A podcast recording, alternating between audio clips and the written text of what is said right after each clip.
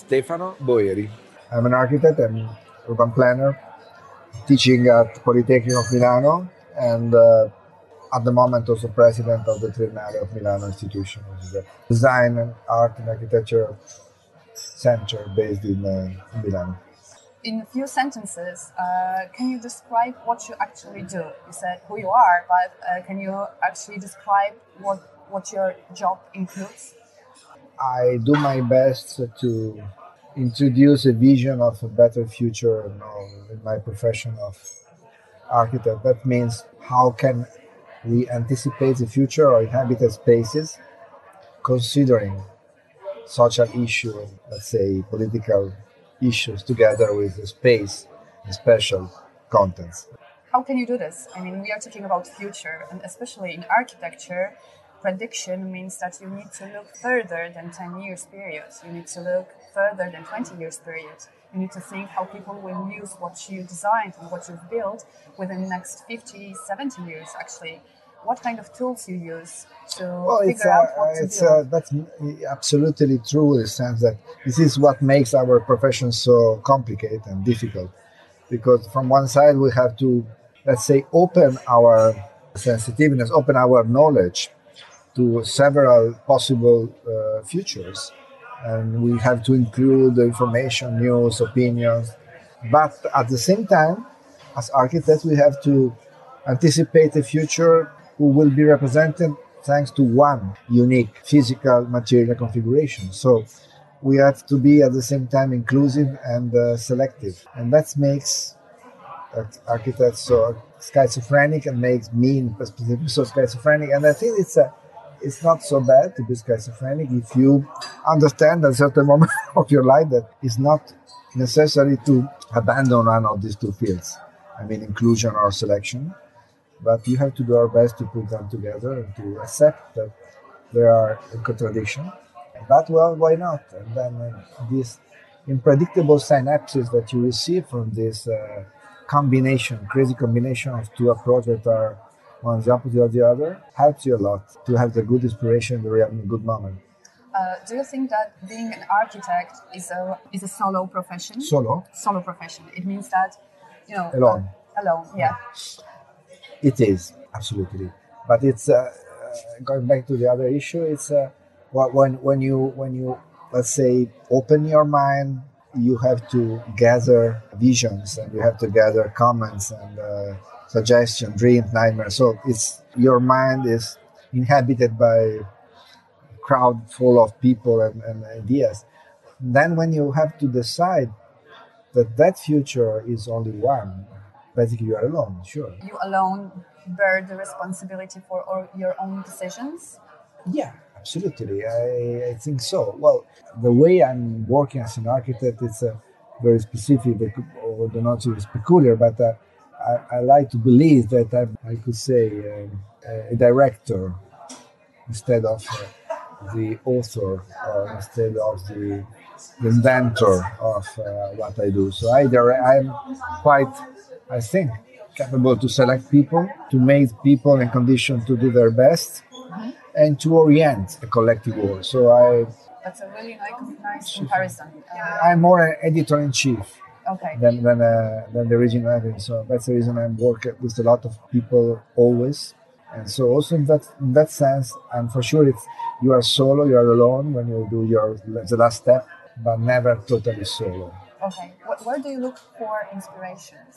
What inspires you in your work? Because you you've come up, uh, you as a, as a person and your studio came up with uh, not revolutionary, but really opening up um, issues related with the climate change, with the way architects should approach that that specific issue. But you needed to be inspired in order to do so. And I'm not talking only about the vertical gardens. I'm asking about general inspiration.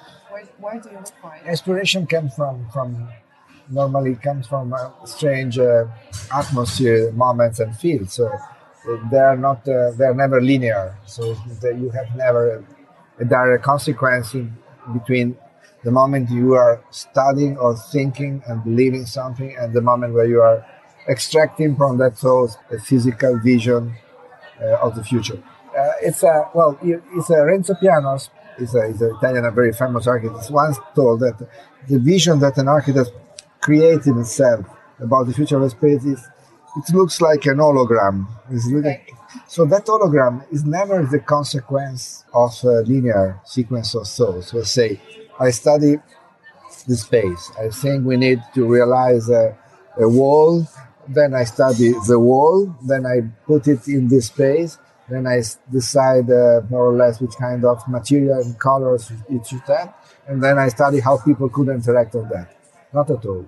Maybe you are uh, well, just walking or doing tennis and so, or watching a football match, and then immediate sometimes you you, you receive an inspiration, which is um, absolutely unprecise and difficult to decipher, but helps you to create to create this uh, this kind of hologram. And the hologram is growing sometimes in a moment where you are not working, you are doing other things. So it's interesting this process of creation.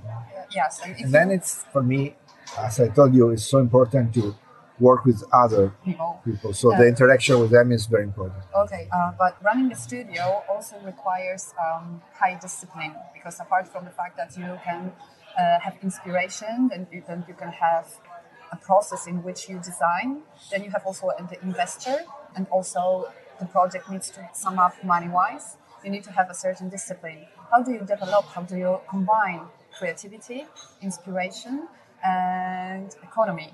In order to have the projects running and be, and enabling you to cover for your studio, cover for your expenses, and in the end being um, econo- economically wise studio. That's that's in few words is the difficulty of my work. So it's uh, it's always about is a, is a a company. So you have to take the risk. You have to be an entrepreneur, being conditioned to calculate the efficiency, the relation between costs and benefits. So it's a it's for sure you have to do that, uh, or to find the people that can help you to do that. Uh, have you ever been t- taught to be a businessman while you were being taught how to be an architect? So yeah, it's a self, totally self uh, learning. uh, yeah, yeah, no, what not what. I didn't do any kind of um, specific course of university. Do you think that uh, if universities introduced a special course how to be a businessman, how to run your own business It's during good. the architecture I studies? love the idea. I think there are some parallel course that you can have if you are a student in architecture. For instance, in Milano, we have Bocconi University who's doing that, and you can do a parallel course of that. Yes, why not? What is the most difficult part of your work? How do you handle it? If you were to say, just you know, this is the piece of my job that I find most difficult Uh, normally, is to gather jobs. to have jobs. Uh, okay, to have. The Uh, most important, difficult part of the job is to have jobs. okay, and how, how do you handle it? How do you make it happen? many many different ways. Sometimes it's a is a casual casuality like today. I met someone here who was interested to realize a new district in Bud, and I'm working on that. So we try to work to talk, and then there are dialogues. Then you then some other times it's uh, more structured. Sometimes uh, you are asked to do something. Other time you compete Yeah. to to do some things. Depends. It's Um, not there is not a one unique uh, corridor. You have a lot of possible direction, Possible and the difficulty is to cover all of them. You know what I mean? efficiently. Yeah. If you imagine uh, that you are not an architect, what would you do? Well. I, I like so much. I'm a fisherman, and uh, also I love football. Uh, I'm, well, I'm not sure. I have three things. One is I love uh, all what is about ocean and sea and uh, sea life and biology, etc. But being also a fisherman, uh, I'm also totally crazy for well to fish. It's a way to stay in, inside the nature in a very specific way. fisherman. That is. Uh, have you ever tried to combine arch- architecture and fishery? A fishery. Yeah. So for example, to design a museum of uh, ocean and the sea, or, or you know, to, to No join way, those. no, there is not disciplines. possible. No, Not possible. No, possible.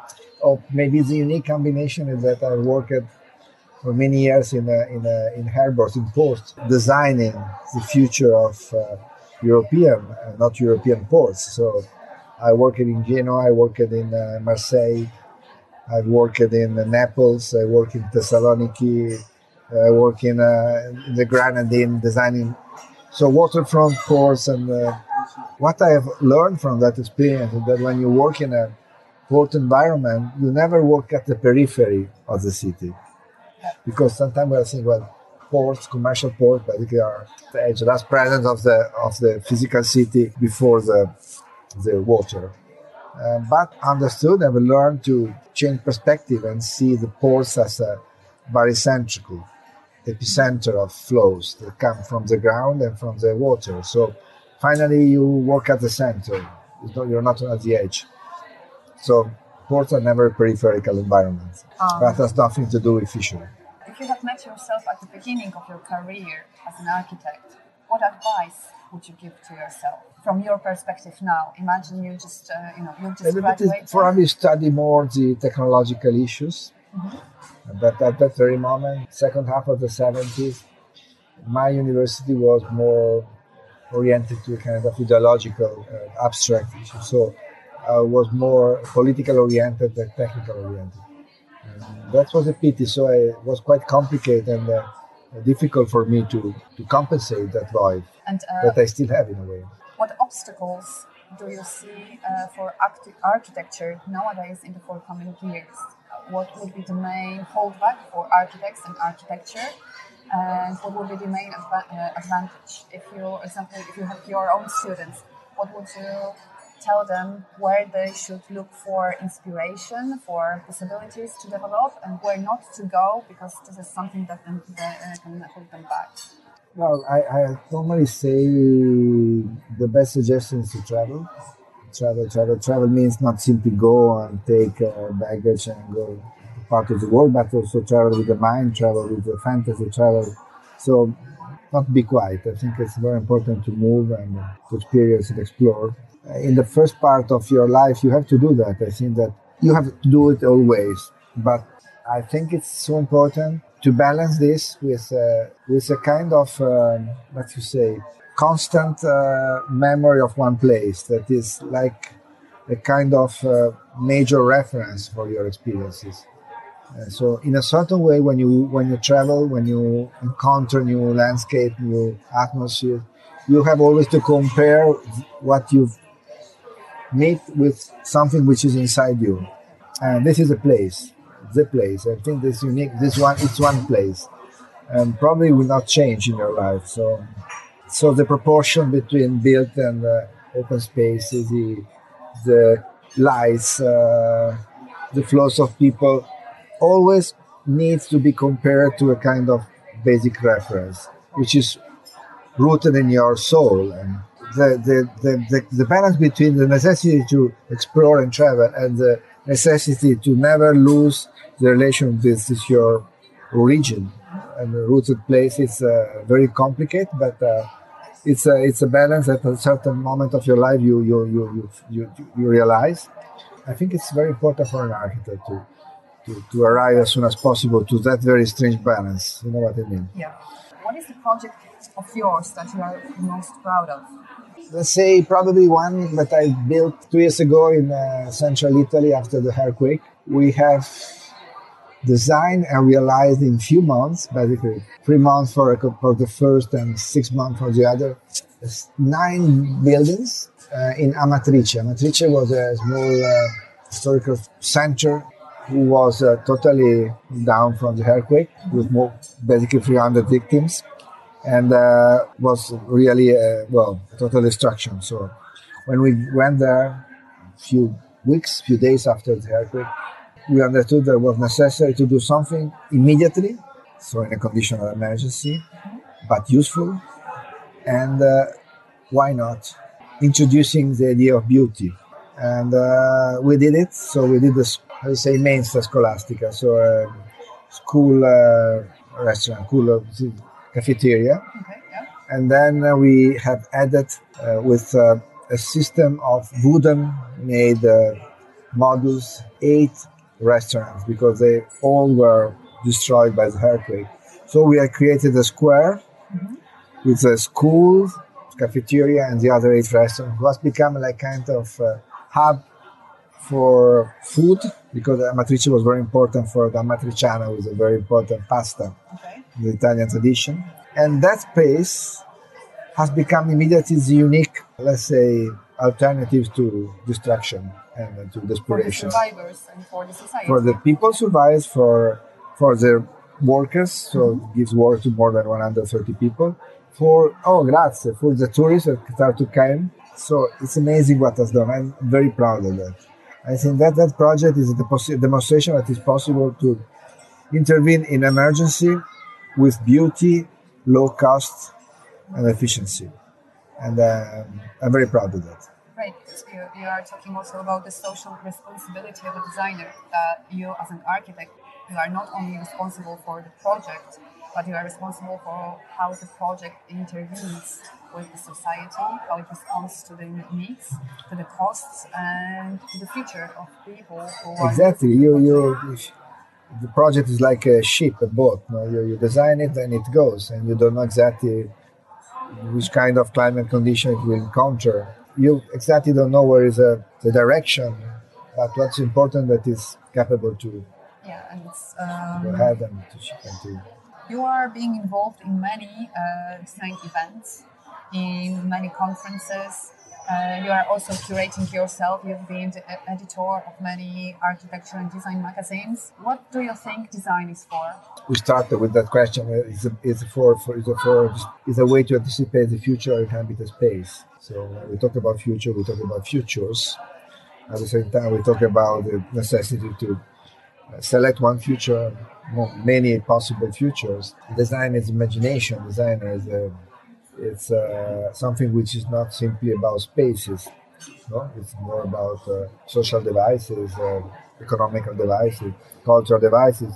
Sometimes design is very close to politics. I spent part of my life in politics, and uh, when I did it, I totally abandoned the architectural profession, and was an amazing experience because I've learned to see the space, the transformation of change, the change of space from another perspective. And when I went back to architecture, well, I were much more aware of the complexity of the process of transformation. If you uh, were to run an audit, if you were to talk what is uh, what is right, what is wrong, what route should the design take in its development, what would you say? How would you call the condition of the design industry? Is it going in a good direction or does it take too much on aesthetics rather than functionality? I think it's now it's what what makes contemporary conditional design very specific is that it's impossible to answer to this question because you have so many parallel direction, parallel how you say program that is really impossible to say well this is good, this is not good. Well, I, I think it's um, you have many many parallel families that are trying to survive. And uh, the point is how you are conditioned to deal with the main issues, the main question of the future. So just say climate change. That means uh, how we could intervene to make our cities protagonists in a campaign to tackle climate change instead of victims or instead of the real cause of climate change poverty. 30% of the population is in slums and from settlement, favelas, barracks, and so on. So that's a very serious problem. And, po- and let's say automation and robotics, which are changing, it will change drastically. Not simply the job market, but the composition of our urban society. And the three things work together. So climate change will provocate in the future process of migration that we still don't consider in terms of quantity, but it's possible to see that 250 million people will migrate in 2050 to abandon area where desert is coming. So certification was some water, poverty.